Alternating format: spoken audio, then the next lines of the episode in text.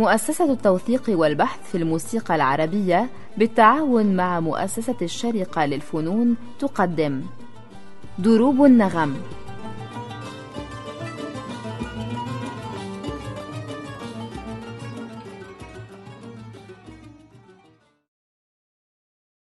مرحبا بكم في حلقة جديدة من دروب النغم. أقدم لكم فيها حلقات في حديث ممتع مع الأستاذ مصطفى سعيد. عن العود. مرحبا يا أستاذ مصطفى. يا أهلا وسهلا يا أهلا وسهلا. أستاذ مصطفى موضوع العود موضوع كبير. خلينا ندخل ليه براحتنا كده في مجموعة من الأسئلة. يا سيدي تفضل. ما هو العود عند مصطفى سعيد؟ شوف في كذا قراءة لهذا الموضوع. إما إنه العود هو كل آلة ذات رقبة قصيرة ليس لها دساتين ولها صندوق وتضرب بالريشة بالمضرب. ده في ناس بيقولوا إنه كل هذا يبقى عود. وفي علم ال organology مثلا عند هورنبوستل زاكس عنده إنه كل آلة وترية تعفق فهي من عائلة العود. حتى الآلات ذات القوس مثلا برضو بيعتبرها من عائلة العود. فبالتالي حسب بقى إحنا عايزين إيه هو العود. هو كل واحد وله تعريف وما فيش شيء اسمه خطأ وشيء اسمه صح. وجهة نظر. نعم. الآن العود هل يشترط أن يكون آلة نقرية عند مصطفى سعيد؟ ما هو ده إذا بنتكلم بمفهوم أورجانولوجي. هناك هاتان التقسيمتان. يا إما إنه العود هو كل آلة ذات رقبة قصيرة وتضرب بالريشة بالتالي حتى هتشمل آلات كتيرة غير اللي إحنا نعرفه بالعود. وناس تانية بتقول لا كل آلة لها عنق وتعفق سواء بتضرب بالريشة أو تجرب القوس فبرضه هي من عائلة العود. فبالتالي ده مفهوم عام أورجانولوجي مفهوم علم الآلات. للآلة بما إن هم عندهم كذا مفهوم لكل عيلة يعني هم عندهم بيقسموا العائلات وكل عيلة فيها كذا آلة. بقى بالنسبة لي العود هو العود العود اللي أنا بعزف عليه. ده بالنسبة لي أنا العود هو العود اللي أنا بعزف عليه. يعني من خلال النظر إلى موسيقى الهند نرى أن كل آلة باختلاف بسيط لها اسم مختلف. وأكيد أنت مطلع على هذا الموضوع لكن نجد عندنا في العالم العربي كثير من الآلات يطلق عليها اسم عود أصواتها مختلفة مقاساتها مختلفة حتى الصوت الذي يخرج منها مختلف. شوف هو إذا أخذنا العود على إنه اسم علم ما يضرش. إذا أخذنا العود على إنه أسلوب عزف وليس اسم آلة وده شوية اللي أنا شايف إن هو أقرب لمزاجي الشخصي. فهو في هذه الحالة هنقول بقى إنه ده أسلوب عزف ولا مش ده؟ وهم بيعزفوا يعني إنه بالنهاية أنت ممكن تعزف جيتار على العود ممكن تعزف مندولين على العود. فهل أنت في هذه الحالة بقيت على العود ولا أنت في طور آخر من أطوار الآلة؟ يعني أقصد أقول إنه إذا أنت خرجت تماما عن أسلوب عزف هذا الشيء مش بتكلم عن أسلوب عزف بمعنى الموروث لا أنت ممكن تنك تطور. أبدا أنا أصلا حكاية التعامل مع التراث بصنمية دي أنا ماليش فيها أصلا. لكن بقول إنه إذا أنت خرجت تماما عن الأسلوب وجبت أسلوب شيء تاني تماما مختلف وحطيته على هذه الآلة فهل أنت في هذه الحالة في هذه الآلة ولا أنت خرجت إلى طور آخر أو إلى آلة أخرى. بصرف النظر بقى عن حتى المقاسات أو عن شكل الآلة أو إلى آخره. لكن إحنا من زمان من أيام كتب العباسيين مثلا كان عندك العود والبربط والعود الشبوط ومش عارف وكذا كذا عود وكله كان بيطلق عليه عود بالنهاية.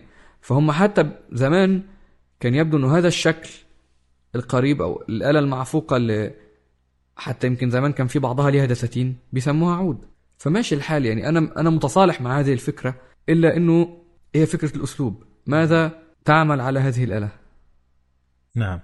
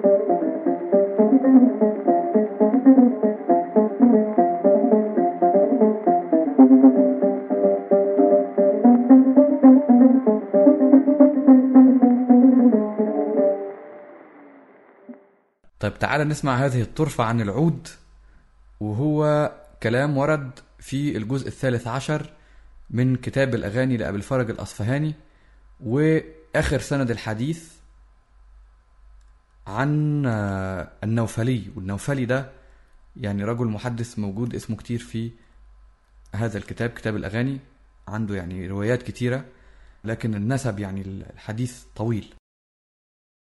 فخلينا في اللي إحنا فيه. بيقول يا سيدي النوفلي وكان ناهض بن ثومة الكلابي وناهض بن ثومة الكلابي ده شاعر مشهور. وكان ناهض بن ثومة الكلابي يفد على جدي قثم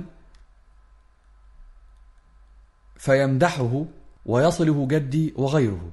وكان بدويا جافيا كأنه من الوحش وكان طيب الحديث فحدثه يوما أنهم انتجعوا ناحية الشام فقصد صديقا له من ولد خالد بن يزيد بن معاوية كان ينزل حلب فإذا نزل نواحيها أتاه فمدحه وكان برا به قال فمررت بقرية يقال لها قرية بكر بن عبد الله الهلالي فرأيت دورا متباينة وخصاصا قد ضم بعضها إلى بعض وإذا بها ناس كثير مقبلون ومدبرون عليهم ثياب تحكي ألوان الزهر. فقلت في نفسي هذا أحد العيدين الأضحى أو الفطر. ثم ثاب إلي ما عزب عن عقلي فقلت خرجت من أهلي في بادية البصرة في صفر وقد مضى العيدان قبل ذلك فما هذا الذي أرى؟ فبين أنا واقف متعجب أتاني رجل فأخذ بيدي فأدخلني دارا قوراء وأدخلني منها بيتا قد نجد في وجهه فرش ومهدت وعليها شاب ينال فروع شعره من كبيه والناس حوله صماطان. فقلت في نفسي هذا الأمير الذي حكي لنا عن جلوسه على الناس وجلوس الناس بين يديه. فقلت وأنا ماثل بين يديه؟ السلام عليك أيها الأمير ورحمة الله وبركاته. فجذب رجل يدي وقال اجلس فإن هذا ليس بأمير. قلت فما هو؟ قال عروس. فقلت وثكل اماه لرب عروس رأيته بالبادية أهون على أهله منهن أمه. فلم أنشب أن دخل رجال يحملون هنات مدورات أما ما خف منها فحمل حملا وأما ما كبر وثقل فدحرج فوضع ذلك أمامنا. فتحلق القوم عليه حلقا ثم أتينا بخرق بيض فألقيت بين أيدينا. وظننتها ثيابا وهممت أن أسأل القوم منها خرقا أقطعها قميصا. وذلك أني رأيت نسجا متلاحما لا يبين له سدا ولا لحمة.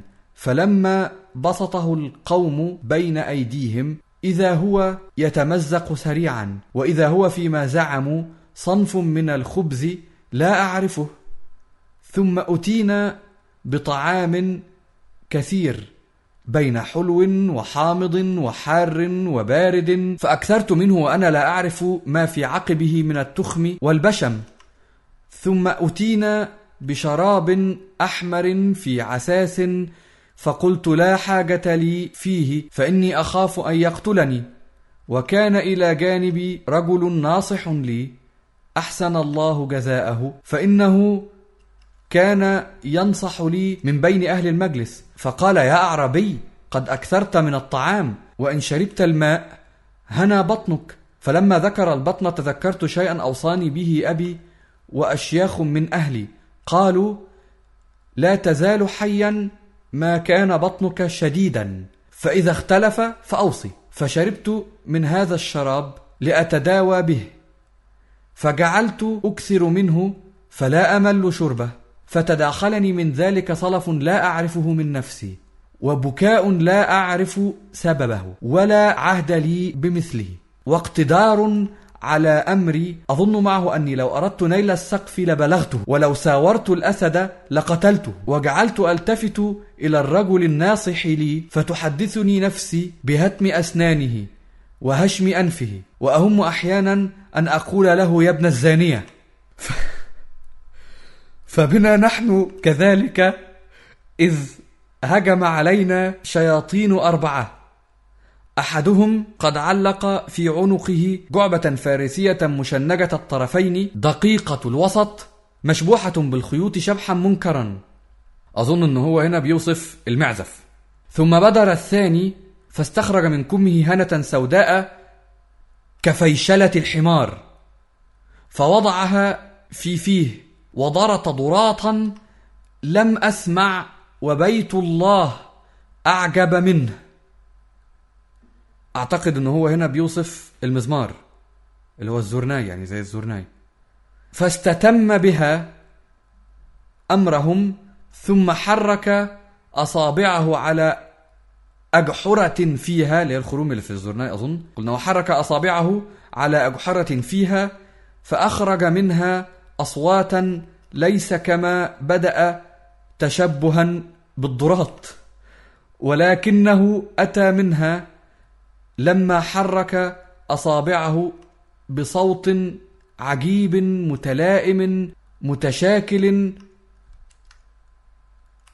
متشاكل بعضه لبعض كأنه علم الله ينطق. ثم بدا ثالث كز مقيت عليه قميص وسخ معه مرأتان فجعل يصفق بيديه إحداهما على الأخرى. أظن هو هنا بيوصف الصنج.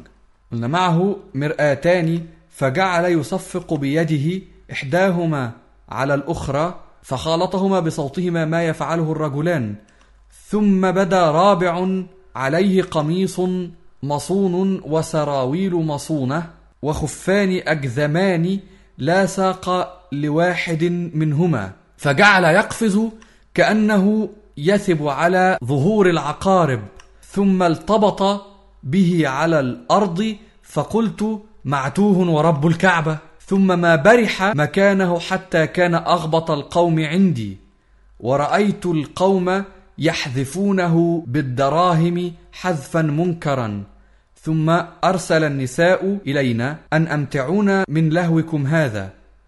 فبعثوا بهم وجعلنا نسمع أصواتهن من بعد.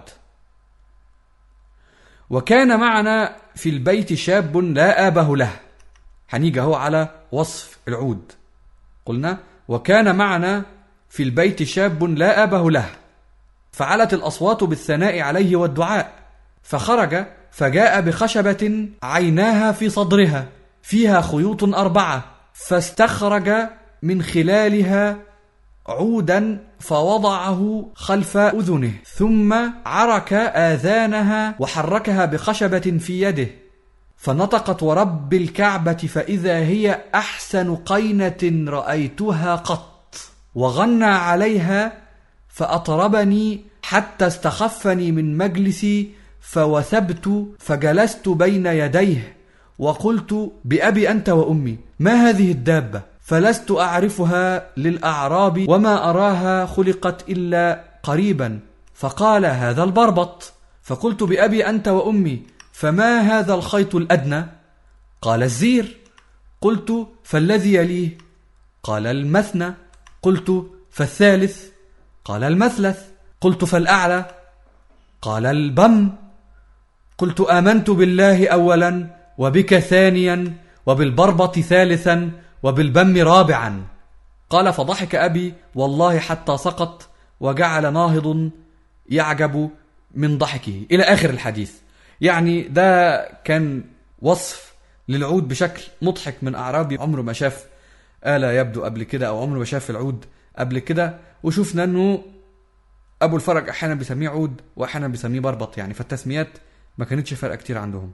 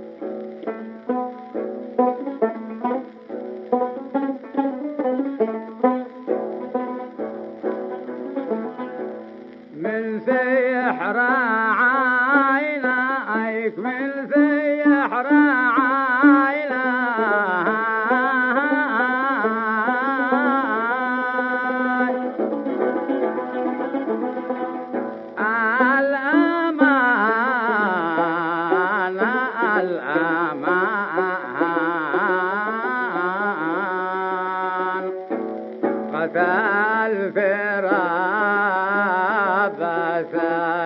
رمح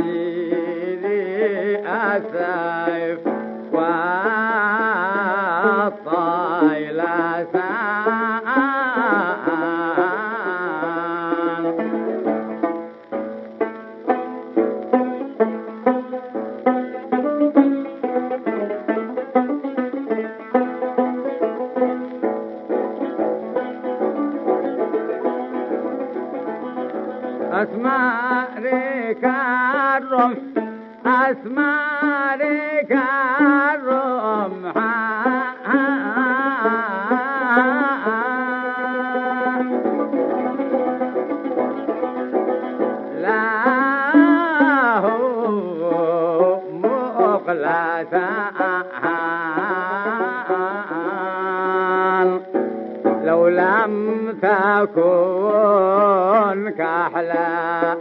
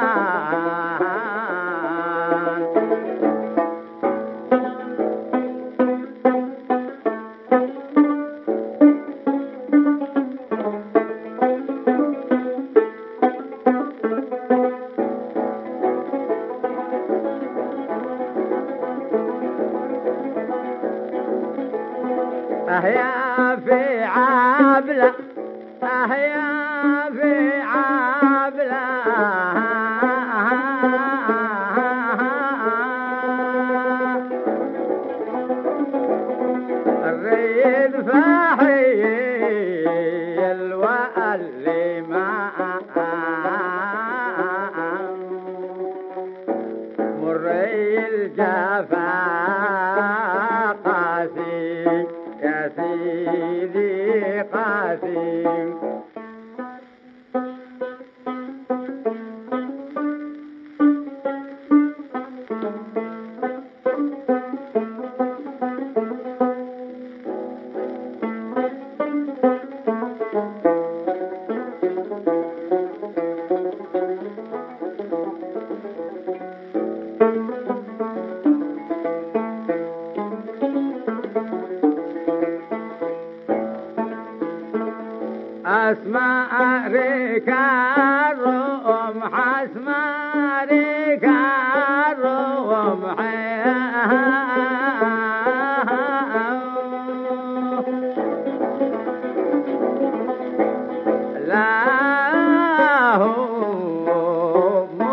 وقلاتا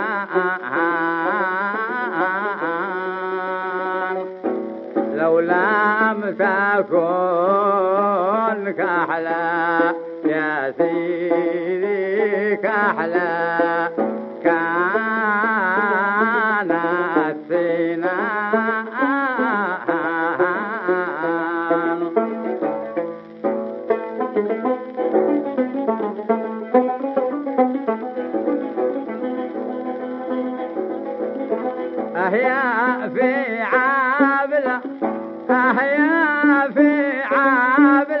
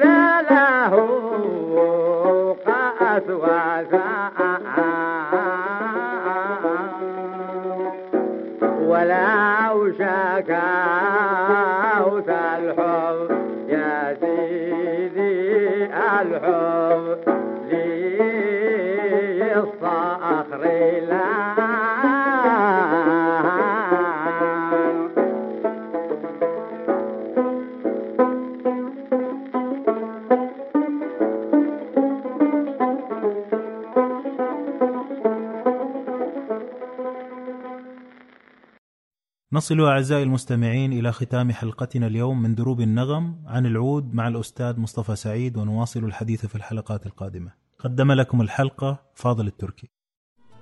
دروب النغم.